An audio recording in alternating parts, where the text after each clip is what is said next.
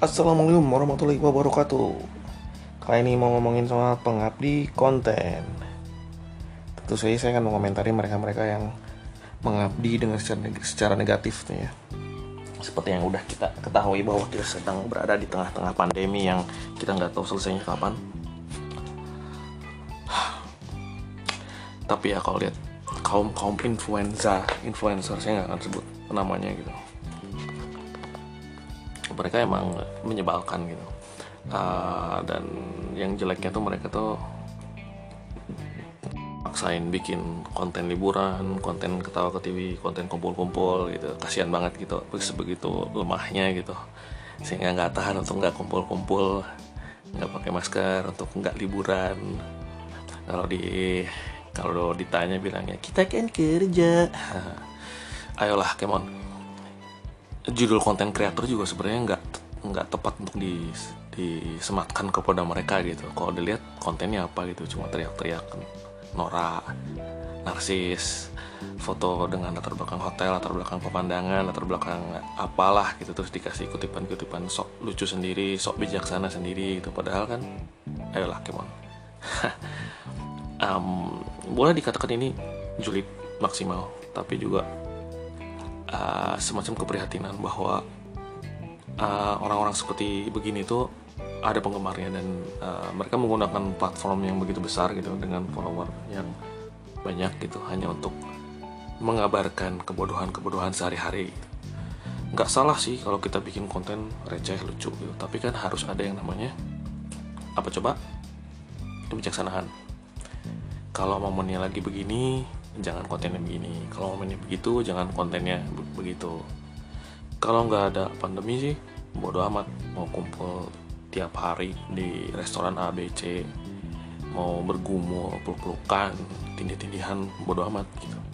Tapi kalau keadaannya sedang pandemi apa nggak bisa lebih bijaksana gitu ya nggak?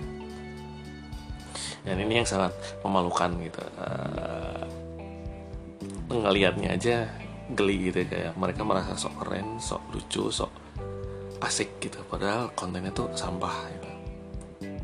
Cuma mereka aja ketawa-tawa artis lelucon sehari-hari yang nggak nggak faedah. Ya saya juga nggak maksa mereka harus nge-review buku War and Peace gitu.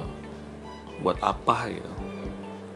Tapi setidaknya seperti tidak bisa menempatkan diri gitu dalam masyarakat dalam dalam situasi gitu. Dan lucunya gitu mereka adalah orang-orang yang bukan introvert ya.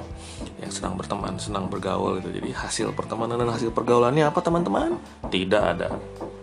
Ya dan inilah generasi pengabdi konten gitu yang hampa gitu. Yang kalau nggak bikin konten ngapain ya?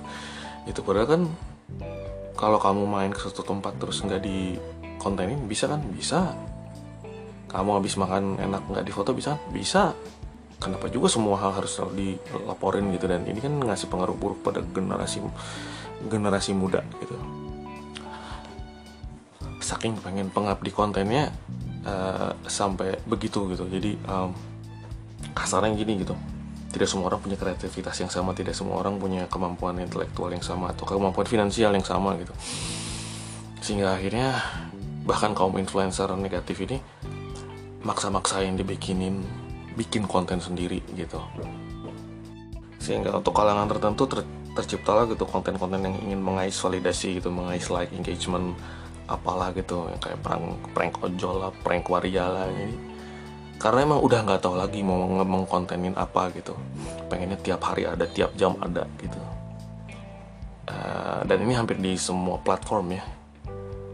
Uh, saya juga nggak tahu sebenarnya akar permasalahannya dari sebelah mana gitu atau gimana cara nyelesainnya? Cuma emang orang-orang seperti ini emang harus dalam tanda kutip diingatkan gitu bahwa kalau emang lagi nggak ada konten ya nggak usah dipaksain ada gitu satu. Kedua harus bisa lihat situasi lah kondisi lah. Kalau memang kalian-kalian punya uang banyak bisa swab test rapid test setiap 10 menit sekali ya itu bukan urusan saya gitu. Tapi kalau kalian uh, liburan keluar tanpa pakai masker. Soal memberikan harapan palsu pada orang-orang yang melihat bahwa keadaan baik-baik aja. Keadaan itu nggak baik-baik aja gitu. jadi eh, tenggang rasa sama toleransi sosialnya tuh nggak ada. Kalian itu nggak ada rasa seperti itu. Dan ini sangat ironis sebab kalian adalah orang yang temannya banyak pergaulannya banyak. Tapi pergaulan banyak itu nggak guna gitu. Nggak bikin lebih bijaksana ya nggak dan emang benar kalau misalnya nonton film dokumenter The Social Dilemma itu kan rangkuman mengenai ada apa di balik dapur perusahaan teknologi yang membuat uh, media sosial ini gitu. Uh, ditonton ditonton aja sendiri. Apalagi influencer kan pasti punya Netflix punya Disney Hotstar ya punya duit lah untuk begitu tonton aja sendiri dan ada subtitlenya. Jadi nggak bisa ngeluh nggak bisa bahasa Inggris ada subtitlenya itu aja dan uh, ya budaya pengabdi konten ini jelek dan nggak bagus. Jangan apa-apa konten apa-apa konten. Jangan apa-apa semua diupload ke media sosial. Sebab nggak bagus gitu.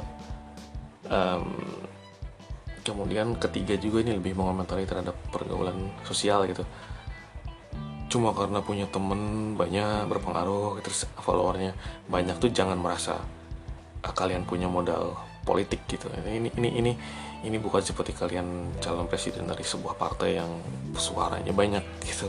Berbeda gitu. Coba otaknya dipakai ya gitu. Itu aja sih.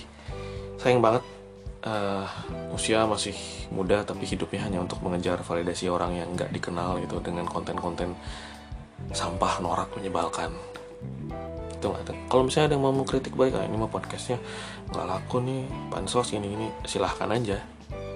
Anda boleh mengkritik itu saya pun boleh mengkritik. Mereka adalah influencer sampah. Terima kasih